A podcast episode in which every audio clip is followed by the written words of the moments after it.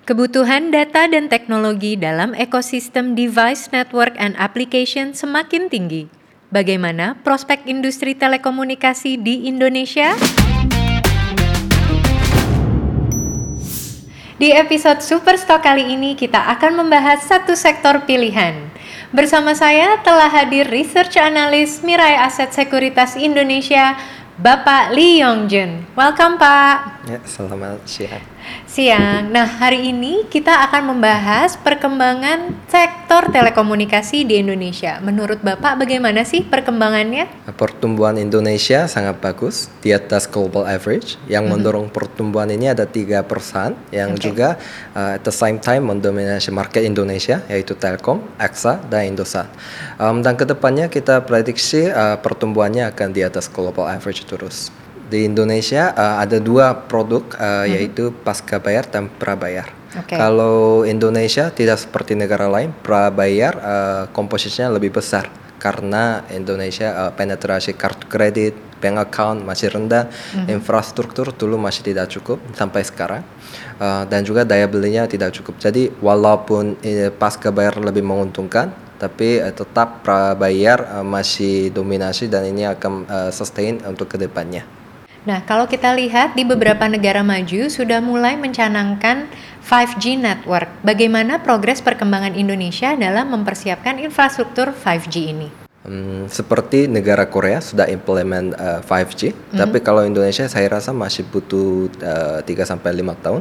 Alasannya pertama ada pada teknologi. Okay. Uh, teknologi uh, ada tiga yang paling utama yaitu enhanced mobile broadband mm-hmm. dan yang kedua adalah ultra reliable and low latency communications. Yang ketiga adalah uh, massive machine type communications.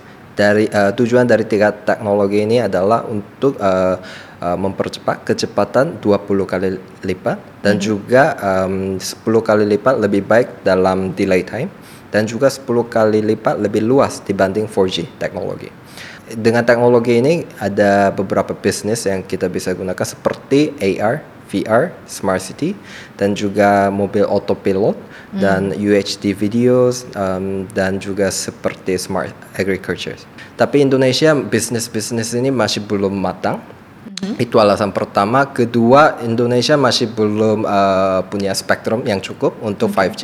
Ketiga, um, sejak uh, investa, uh, implement uh, 3G 4G di Indonesia saya rasa in, uh, operator masih belum meraup uh, profit yang cukup untuk menutup investasi yang sudah uh, dibikin di Indonesia. Tadi kita berbicara tentang background perkembangan sektor telekomunikasi yang ada di Indonesia. Bagaimana dengan saham primadona di sektor telekomunikasi ini? Topik uh, dari perusahaan kami adalah uh, PT Telekomunikasi Indonesia um, untuk menutup memilih topik kita, kita mm-hmm. melihat beberapa poin. Salah satunya melihat industri uh, pertama industri. Yang pertama saya lihat dalam industri adalah uh, utilitas. Apakah produk ini benar-benar bermanfaat atau tidak, dan mm-hmm. juga harga pada okay. produk itu.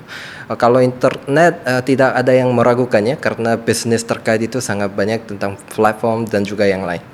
Okay. Untuk harga Indonesia tergolong terendah um, dari 230 uh, 1 GB per GNA Indonesia uh, di pering, ada di peringkat 17 terbawah. Jadi sudah okay. oh, sangat murah makanya for the market iya, itself betul. ya. Jadi okay. untuk ke depan uh, industri bisa survive dan mm -hmm. kedua yang saya lihat adalah seberapa besar industri ini bisa berkembang dengan adanya internet uh, di dalam uh, ek ekonomi ada yang namanya tiga faktor produksi yaitu tanah, uh, tenaga kerja dan kapital. Dengan okay. menggunakan itu uh, perusahaan bisa menaikkan supply tapi seperti tanah dia ada batasnya dan okay. lokasinya juga di fix. Tapi seperti, uh, dengan internet ini uh, konsep itu menjadi hilang karena contohnya uh, YouTube yang sekarang kita lakukan tidak mm -hmm. ada batas kalau data storage-nya uh, cukup dan juga dengan seperti cloud service semua okay. konsep itu berubah. Jadi uh, yang bisa kita gunakan dengan internet ini sangat besar, maka potensi untuk industri tak terbatas untuk saat ini.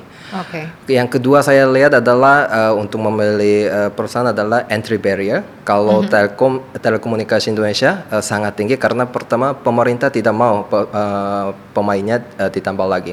Kedua perlu kapital yang sangat besar untuk okay. investasi di infrastruktur Bagaimana dengan valuasi saham itu sendiri? Kami uh, memprediksi uh, laba ke depannya akan sangat bagus.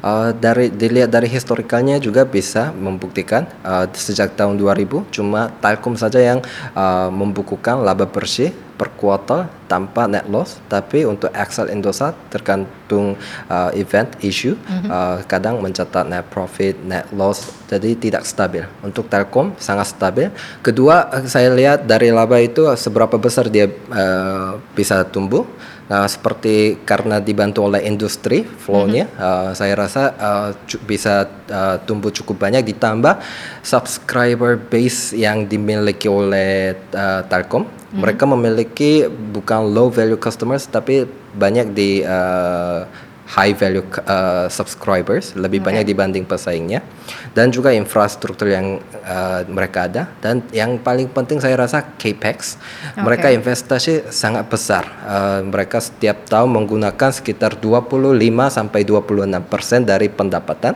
okay. uh, walaupun kita tambah capex dari Indosat dan Excel masih di bawah Jauh, ya? Iya, Telkom sendiri jadi gamenya itu bisa terus uh, berlanjut dan inilah alasan uh, Telkom adalah topik kita dan waktu yang sama kita bisa memberi uh, premium di valuasinya.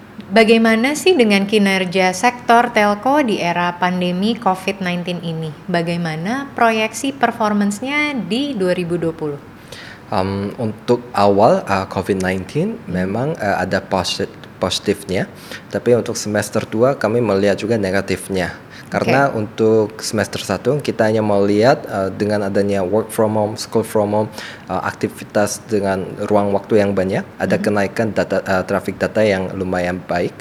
Tapi untuk semester 2 karena mulai ada uh, perusahaan-perusahaan yang lang dapat hit langsung dari COVID ini, ada mulai program seperti pensiun dini, layoff okay. dan juga unpaid leave. Itu akan mengurangi daya beli Indonesia dan juga uh, at the same time menaikkan uh, rasio pengangguran. Jadi dengan uh, rendahnya daya beli ini yang akan kena hit adalah low value subscribers. Untuk okay. yang mid to high memang tidak ada begitu impactnya. Tapi low value customers cukup uh, untuk uh, hit uh, earnings untuk telco. Karena Dan, mereka mendominasi market di Indonesia sih ya. Ya, secara jumlah iya, secara pendapatan sih masih tidak, tapi cukup okay. besar juga. Um, jadi uh, dibanding semester 2 tahun lalu 2019 mm -hmm. kami perkirakan pertumbuhan masih tetap flat, mm-hmm. tapi dibanding uh, semester 1 kami akan melihat penurunan, especially mm-hmm. di kuartal 4 untuk menghadapi tantangan ini uh, para perusahaan uh, lagi mengurangi biaya tapi okay. bukan cuma itu mereka bukan cuma kejar uh, cuan saja tapi mm-hmm. mereka juga itu saya uh, melakukan social responsibility jadi uh, ada sedikit membagikan bonus kuota atau oh, kuota nice. yang free okay. mm-hmm. tapi um, ada yang juga sedikit uh, cemas dalam ini kalau gitu bisa saja uh, pendapatannya turun tapi memang impactnya tidak begitu besar jadi tidak perlu uh, ada cemas dalam hal ini Nah, bagaimana dengan perkembangan saham di industri telekomunikasi ini? Ya, saya rasa uh, industri ini punya potensi besar uh, dan juga Telkom terutama Telkom karena uh, industri ini masih belum refleksi earnings yang ke depan dan juga sekarang walaupun kita dalam coronavirus ini mm-hmm. uh, padahal uh, sektor lain lumayan jelek contohnya banks di tahun ini earnings turun sangat banyak diproyeksikan mm-hmm. bukan cuma itu seperti transportation tapi kalau dibanding industri-industri lain, telekomunikasi Indonesia lumayan baik dibanding yang lain karena kita okay. proyeksikan pertumbuhan akan tetap flat, jadi tidak begitu turun dibanding yang lain. Jadi kalau kita pikirkan ini saham Telkom uh, lumayan baik dan juga mm -hmm. plus uh, dengan alasan yang kita sebutkan tadi di uh, investment thesis tentang beberapa poin, mm-hmm. um, Telkom layak mendapatkan harga premium dan multiple yang sekarang ada pada Excel, Indosat dan Telkom masih tidak begitu jauh berbeda. Okay. Uh, saya rasa, jadi ada juga kemungkinan gap itu akan melebar dan membuat harga Telkom lebih uh, upside potensialnya lebih besar di, uh, dari harga sekarang. Jadi ada uh, uh, potensial kenaikan yang sangat besar ke depannya untuk mid to long term. I see.